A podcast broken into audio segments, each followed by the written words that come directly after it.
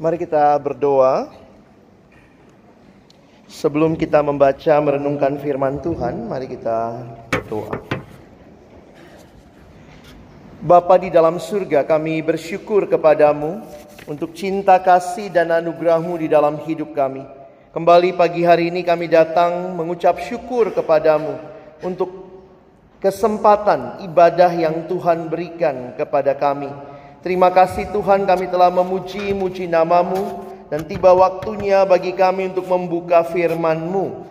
Kami mohon ya Tuhan, biarlah ketika kami membuka firman-Mu, bukalah juga hati kami, jadikanlah hati kami seperti tanah yang baik, supaya ketika benih firman Tuhan ditaburkan, itu boleh sungguh-sungguh berakar, bertumbuh, dan juga berbuah nyata di dalam kehidupan kami. Berkati baik hambamu yang menyampaikan dan setiap kami yang mendengarkan. Tuhan tolonglah kami semua. Agar kami bukan hanya menjadi pendengar-pendengar firman yang setia. Tapi mampukan dengan kuasa dari rohmu yang kudus. Kami dimampukan menjadi pelaku-pelaku firmanmu. Di dalam hidup kami. Secara khusus di dalam masa muda kami. Bersabdalah ya Tuhan. Kami umatmu sedia mendengarnya. Di dalam satu nama yang kudus, nama yang berkuasa, nama Tuhan kami Yesus Kristus, kami menyerahkan pemberitaan firman-Mu. Amin. Shalom. Selamat pagi Bapak Ibu Guru dan juga adik-adik yang saya kasih dalam Tuhan Yesus Kristus. Pagi ini firman Tuhan yang akan kita bahas berkaitan dengan tema saya mengangkat tentang self control. Penguasaan diri. Dan kita tahu ini ada di dalam bagian dalam buah roh yang disampaikan di dalam Galatia pasal yang kelima. Saya mengajak kita membaca Galatia pasal 5 ayat 22 sampai dengan ayat yang ke-23 ya. Mari kita baca dua ayat ini bersama-sama. Satu, dua, ya. Tetapi buah roh ialah kasih, sukacita, damai sejahtera, kesabaran, kemurahan, kebaikan, kesetiaan, kelemah lembutan, penguasaan diri. Tidak ada hukum yang menentang hal-hal itu. Saudara yang dikasihi Tuhan, kalau kita memperhatikan di dalam Alkitab kita, Paulus mengkontraskan. Kalau kita membaca bagian sebelumnya, Paulus bicara tentang perbuatan daging.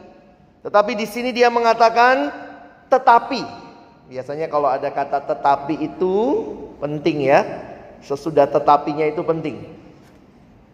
Perbuatan daging ini semua, percideraan, perseteruan, hawa nafsu, tetapi ada satu hal yang membedakan yang harusnya menjadi kualitas yang dimiliki seorang yang sudah ada di dalam Kristus adalah memiliki Roh Kudus yang kemudian Roh Kudus itu menghasilkan buah di dalam hidup kita. Karena itu ini ada gambaran yang diberikan. Ada yang bilang ada berapa buah roh? Sembilan. Salah. Buah roh cuma satu. Nanti cek dalam terjemahan yang lain. Bahkan ini ada terjemahan bahasa Inggrisnya saya tulis di sebelahnya. Yang dikatakan itu bukan the fruits. Bukan but the fruit of the spirit itu singular. Jadi ini adalah gambaran satu buah sembilan rasa. Hebat ya. Kala nano-nano. Satu permen cuma tiga rasa. Ini satu buah sembilan rasa. Sehingga ini bukan option. Oh I just want to pick up the love thing. Because I have love more than other things. Tidak. Kita nggak bisa hanya memilih satu, ini mencakup semuanya. Ketika kita menerima Kristus sebagai Tuhan dan Juru Selamat, Roh Kudus diam di dalam diri kita, maka kita akan cultivate the whole uh, bagian ini ya, semua yang ada dalam kualitas ini. Satu buah dengan sembilan rasa. The fruit of the Spirit. Nah, mari kita lihat sebentar apa artinya penguasaan diri. Apa artinya self control?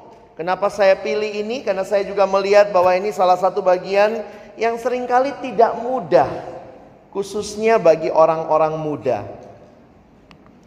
Self control di dalam bahasa Yunaninya itu sebenarnya cuma satu kata, ya. Ekrateia. Apa itu? The ability to pursue the important over the urgent rather than to be always impulsive or uncontrolled. Perhatikan di dalam bagian ini, sering kali kesulitan generasi kita yang hidup di dalam dunia yang serba cepat, serba instan, kita sering kali malah lupa mana yang urgent, mendesak, mana yang penting. Nah, self control digambarkan kemampuan untuk bisa mengejar hal yang penting lebih daripada sekedar hal yang mendesak. Orang yang bisa menguasai diri tentunya tidak belajar kalau besok ujian baru malam ini belajar. Itu nggak menguasai diri. Sulit bedakan antara yang urgent sama yang important. Jadi kita diminta ternyata di dalam kekristenan salah satu kualitas yang penting teman-teman dan saya miliki. Saya harap ini terjadi di sekolah ini Ketika teman-teman dididik dalam disiplin yang baik, kalian pun belajar menguasai diri, belajar mengontrol diri. Saya coba berikan definisi yang lain. Penguasaan diri adalah mengendalikan atau menguasai diri berarti menahan diri untuk tidak melakukan suatu keinginan. Jadi kalau tadi kemampuan bisa membedakan. Sekarang ditambah lagi ini adalah kemampuan bisa menahan diri untuk tidak melakukan suatu keinginan. Pingin banget tidur di kelas. Tapi bisa menguasai diri untuk tidak tidur. Nah itu orang yang bisa menguasai diri. Pengen banget tenang waktu ibadah. Tapi nggak bisa kalau nggak ngobrol sama sebelahnya. Waktu dia tahan diri. Karena dia tahu ada hal yang lebih penting. Di situ kita belajar menguasai diri. Saya pikir kekristenan bukan bicara hal yang mengawang-awang. Tetapi hal yang real yang Tuhan mau engkau dan saya mengalami perubahan di dalam hidup kita. Rasul Yohanes menulis surat 1 Yohanes, dia memberikan beberapa hal yang sering kali menjebak manusia sehingga sulit menguasai diri. Ini adalah tantangan-tantangan yang manusia alami. Saya ajak teman-teman kita baca ayat ini sama-sama ya. Mudah-mudahan masih kelihatan ini tes mata sekalian ya. 1 Yohanes 2 ayat 15 1 Yohanes 2 ayat 15 sampai 17 ya. Mari kita baca bersama-sama. Satu dua ya. Janganlah kamu mengasihi dunia dan apa yang ada di dalamnya. Jikalau orang mengasihi dunia, maka kasih akan Bapa tidak ada di dalam orang itu. Sebab semua yang ada di dalam dunia, yaitu keinginan daging dan keinginan mata serta keangkuhan hidup, bukanlah berasal dari Bapa, melainkan dari dunia dan dunia ini sedang lenyap dengan keinginannya, tetapi orang yang melakukan kehendak Allah tetap hidup selama-lamanya. Orang yang melakukan kehendak Allah tetap hidup selama-lamanya. Bagaimana orang-orang yang melakukan kehendak Bapa itu? Mereka adalah orang-orang yang dikatakan tidak terjebak di dalam apa yang dunia kejar banyak sekali keinginan duniawi yang akan membawa kepada kesesatan.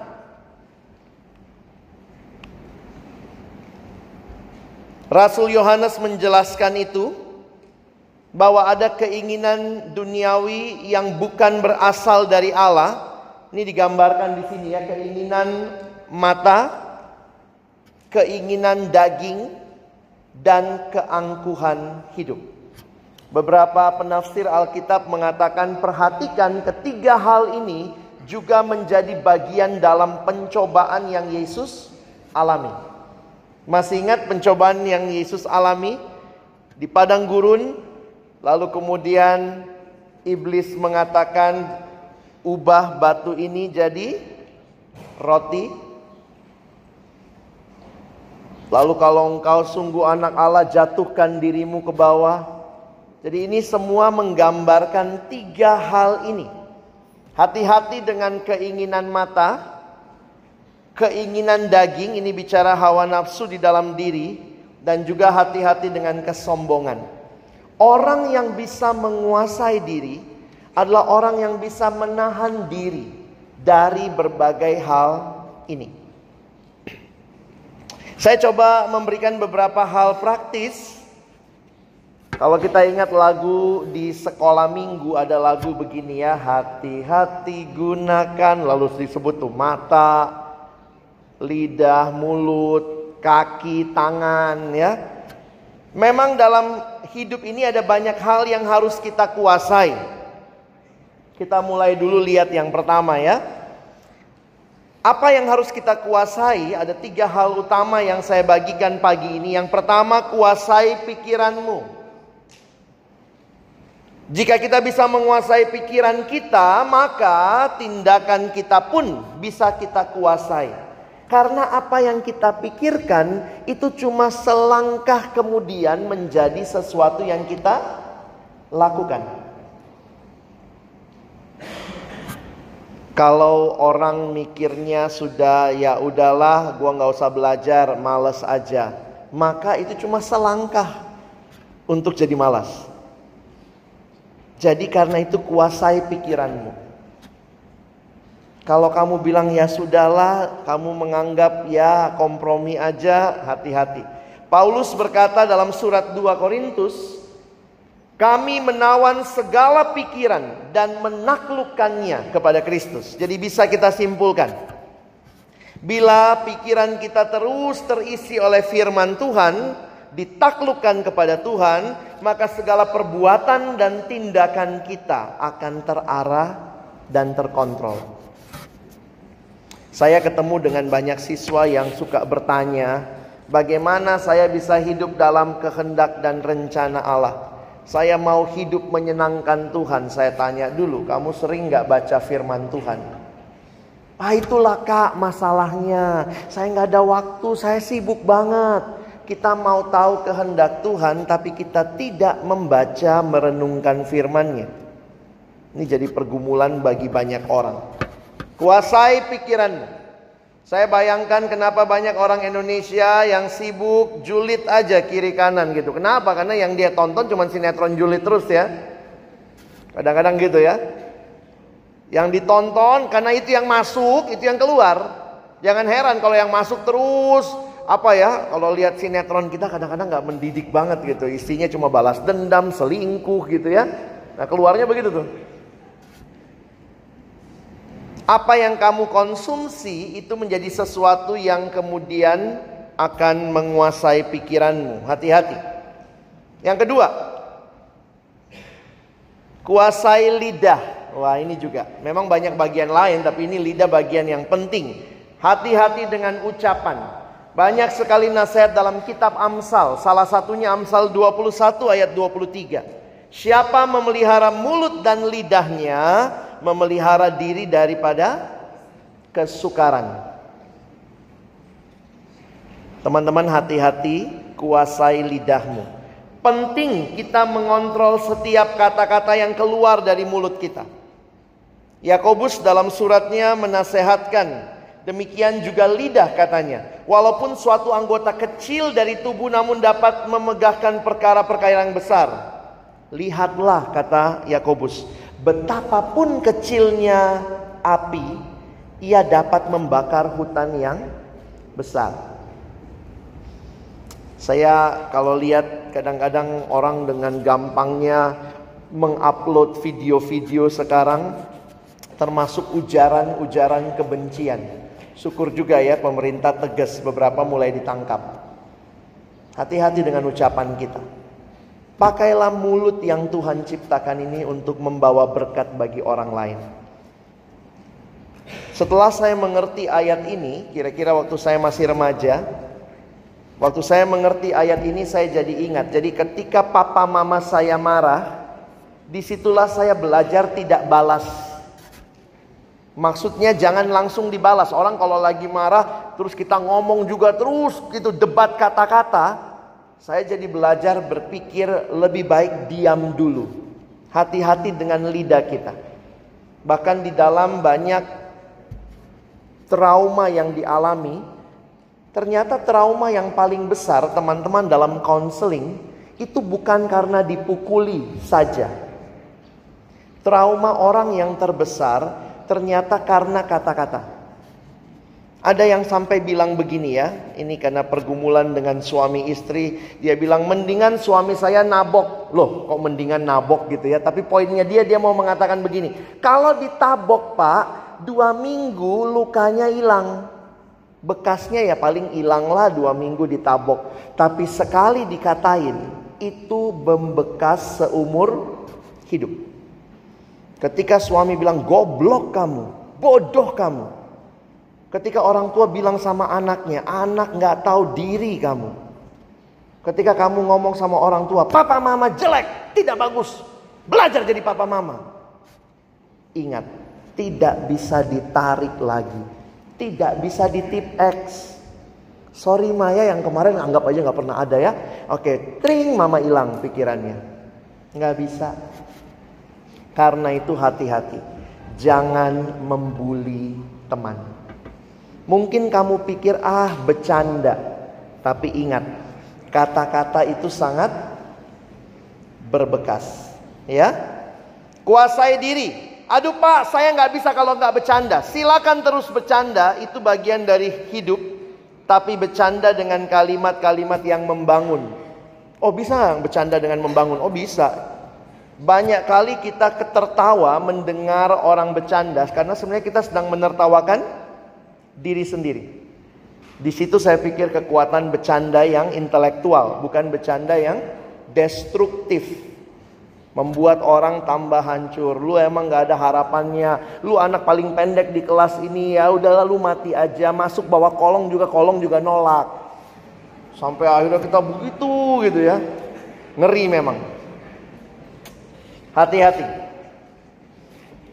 Saya melayani seorang di tengah pergumulan hidupnya. Tapi itu satu hal yang saya sangat ingat sekali. Seorang teman saya telepon dia bilang bisa tolong layani adik saya. Adik saya kata dokter tidak lama lagi hidupnya sudah terminal. Sudah tidak lama hidupnya karena kena diabetes dan itu kemudian ada bagian tertentu dalam tubuhnya yang rusak, paru-parunya terus berair. Saya datang dan besuklah anak itu menjelang kematiannya. Sudah pasang selang di hidung untuk nafas karena sulit bernafas, paru-parunya terisi air. Dan kemudian saya coba tanya sedikit latar belakangnya. Ternyata anak ini tidak mau ke sekolah sejak SMP kelas 3 karena memang dia gendut. Dikatain gendut sama teman-temannya, ini seorang pria, akhirnya dia ngambek tidak mau sekolah. Dan waktu itu orang tua juga nggak bisa buat apa-apa. Akhirnya karena tidak mau sekolah dibully temannya gendut, gendut, gendut. Dan akhirnya memang benar, dia di rumah kerjaannya cuma makan, tidur, main game, makan, tidur, main game. Sampai akhirnya dia sangat gendut. Dan kemudian Akhirnya dia juga sulit sekali cari pekerjaan. Puji Tuhan, dia punya kemampuan melatih paduan suara. Tuhan kasih kemampuan itu. Kira-kira di usia 20-an, 20-an tahun dia mulai melatih paduan suara di gereja. Badan sedikit dikuruskan, tetapi ternyata sudah terkena diabetes. Jadi pergumulan hidupnya cukup berat, Sampai akhirnya di usia kira-kira 30 sekian tahun dia meninggal. Saya datang dua hari kemudian dia meninggal. Waktu itu saya jadi mikir gini ya. Banyak orang mikir nggak apa-apa lah ngebully. Tapi waktu saya lihat realita itu saya cuma mau bilang begini. Kau bully temanmu, kau membunuh dia secara tidak langsung. Stop bully. Kalau engkau mengerti betapa mengerikannya efeknya. Saya harap kamu tidak main-main, gitu ya. Teman-teman, mungkin ada anaknya tetap masuk sekolah. Ah, nggak bunuh diri kok dia ya. Tapi kamu sudah bunuh karakternya. Pembunuhan karakter itu kadang jauh lebih mengerikan. Next. Mata.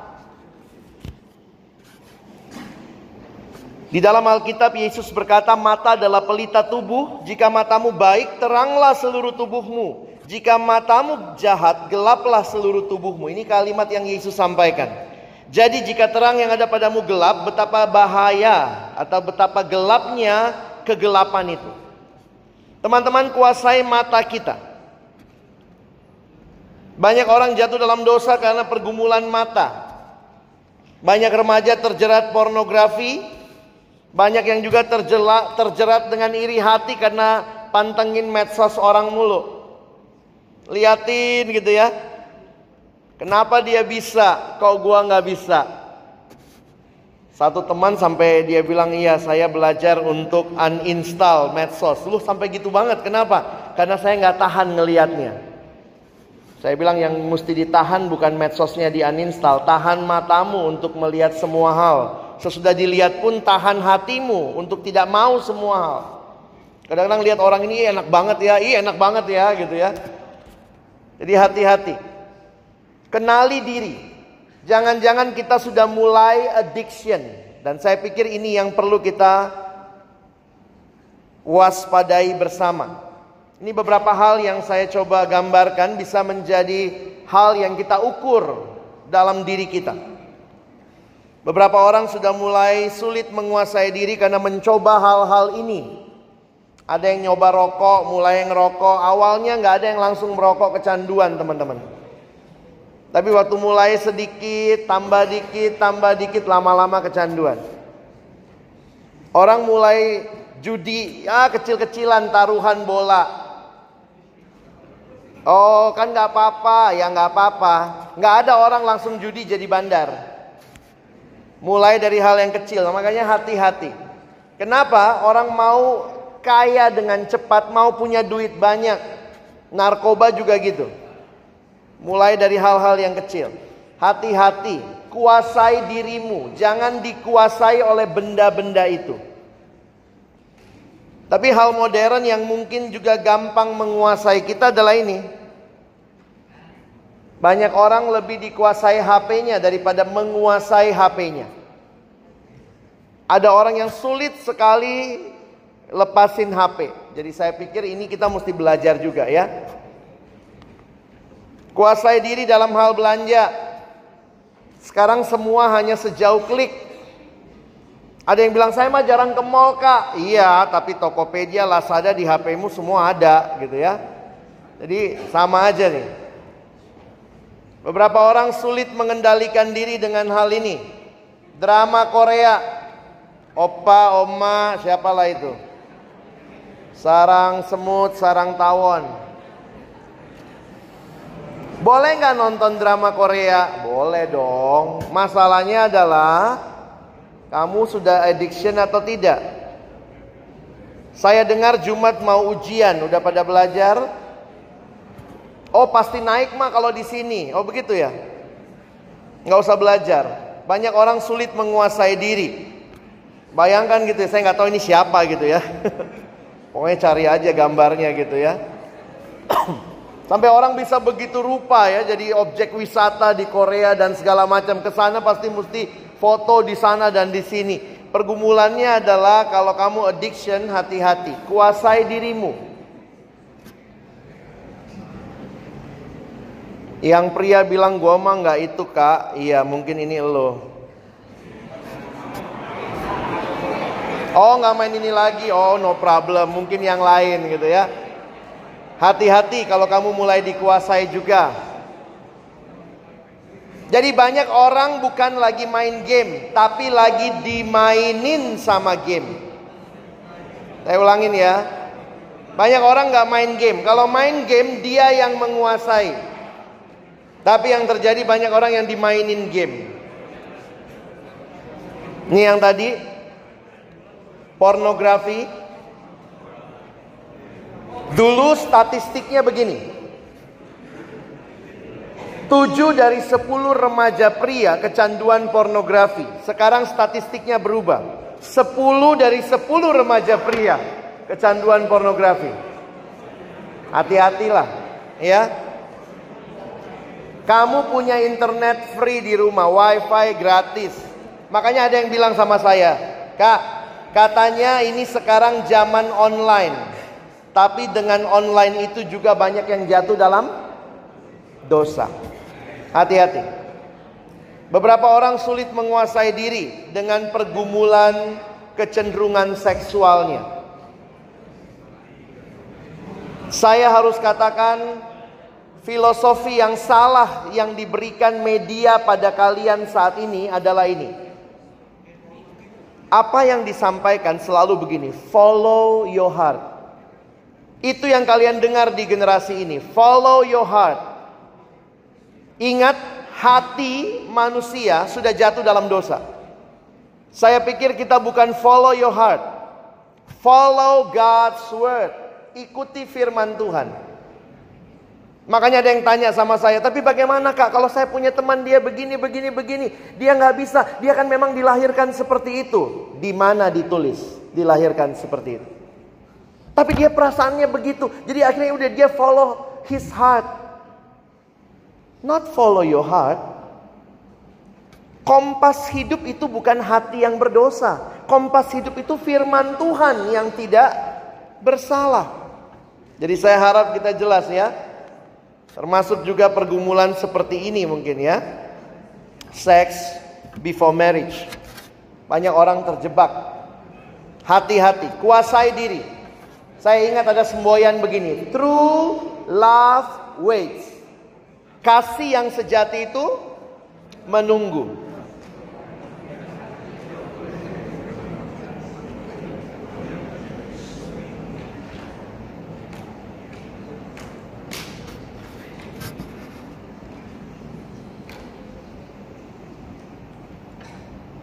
Kasih yang sejati menunggu. Bukan membuka hadiah sebelum waktunya. Kekristenan tidak anti dengan hubungan seks. Tapi kekristenan menempatkan hubungan seks di dalam relasi suami dan istri. Wait. True love waits. Sejauh mana kita sudah menguasai diri? Ini proses yang tidak mudah. Karena itu ingat, Allah berikan roh kudusnya. Makanya ini bukan buah kita, ini buahnya roh kudus. Hanya kalau roh kudus diam di dalam kita, maka kita bisa menguasai diri. Karena itu adalah buahnya roh kudus. Kehadiran dan kuasa roh kudus dalam hidup kita akan memampukan kita. Serahkan dirimu terus kepada Tuhan. Dengan kekuatanmu sendiri kau nggak mampu. Bagian terakhir. Apa manfaat dari penguasaan diri? Kita baca sama-sama ya. Satu dua ya. Penguasaan diri akan membentuk kita menjadi pribadi yang lebih dewasa. Dengan penguasaan diri kita tidak akan mudah terbawa arus dosa duniawi. Dengan memiliki karakter ini kita akan menjadi semakin serupa dengan juru selamat kita, Yesus Kristus. Kerinduan Allah bagi kita, kamu dan saya makin serupa Kristus. Adik-adikku menjelang akhir semester ini kuasai dirimu. Minta Tuhan tolong kamu. Menghadapi ujian, menghadapi masa libur yang panjang, kuasai diri. Jangan jadikan masa liburmu masa yang menikmati dosa. Tapi masa yang di dalamnya kau bisa berkata, aku tetap hidup memuliakan Tuhan. Saya tutup dengan ayat ini ya. Kita baca bahasa Indonesianya. Satu dua ya. Orang yang tak dapat mengendalikan diri adalah seperti kota yang roboh temboknya. Di masa itu tembok kota itu perlindungan. Kalau tembok kota runtuh itu kota defenseless, tanpa pertahanan, tanpa perlindungan. Dan Alkitab mengingatkan orang yang tidak bisa menguasai dirinya seperti kota yang roboh temboknya. Kiranya penyerahan dirimu kepada Tuhan menolong engkau dan saya semakin hidup sesuai kehendak Tuhan. Amin. Mari kita berdoa. Bersyukur ya Tuhan buat firman-Mu pagi ini. Biarlah kami semua kembali ditolong untuk menyadari. Kami butuh Tuhan di dalam hidup kami. Kami membutuhkan rohmu yang kudus. Supaya menolong kami memiliki karakter yang bisa menguasai diri kami. Tolong kami Tuhan pada akhirnya bukan menjadi anak-anak yang hidup sembrono, hidup tanpa aturan, hidup mengikuti hati kami, tapi kami mau mengikuti Tuhan, mengikuti firman-Mu, menguasai diri kami, mengontrol semua hal yang terjadi dalam hidup kami. Pagi ini kami menyerahkan dalam pekan ini secara khusus mulai Jumat kami akan melewati final test untuk semester ini berkati seluruh Bapak Ibu guru dalam mempersiapkan maupun kami semua para siswa. Biarlah Tuhan kesempatan ujian menjadi kesempatan kami juga boleh menguji sejauh mana kami memahami. Tolong kami mengerjakan dengan penuh integritas. Tolong kami menguasai diri untuk bisa menahan diri mendahulukan hal-hal yang penting yaitu belajar dan mungkin mengesampingkan terlebih dahulu hal-hal yang kami sukai. Kami berdoa, tolong kami melewati final test dengan baik, berikan kekuatan, kesehatan yang dari Tuhan. Kami juga bersyukur karena hari ini ada dua guru kami yang berulang tahun. Kami percaya pertambahan usia asalnya dari Tuhan. Karena itu berkat yang mereka terima dari Tuhan ini kiranya mereka syukuri dan mereka kembalikan bagi hormat dan kemuliaan Tuhan. Berkati untuk Miss Meika di dalam usia yang baru. Berkati untuk Miss Melina di dalam usia yang baru. Biarlah melalui pertambahan usia ini mereka terus menikmati kesetiaan Tuhan dan berkatilah Tuhan baik di dalam pekerjaan mereka mengajar kami, maupun juga dalam kehidupan keluarga mereka, di dalam kehidupan sosial mereka. Mereka boleh terus jadi berkat bagi banyak orang di sekitarnya. Sekali lagi kami bersyukur, pagi ini kami boleh datang kepada Tuhan di dalam doa, memohon kepadamu dan percaya Tuhan mendengar dan menjawab seturut kehendakmu. Ini doa kami dalam nama Tuhan Yesus, kami bersyukur. Amin.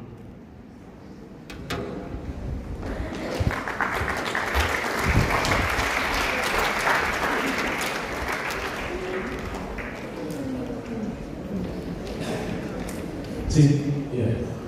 Terima kasih untuk pelayanan Pak Alex. Kami ada tadi.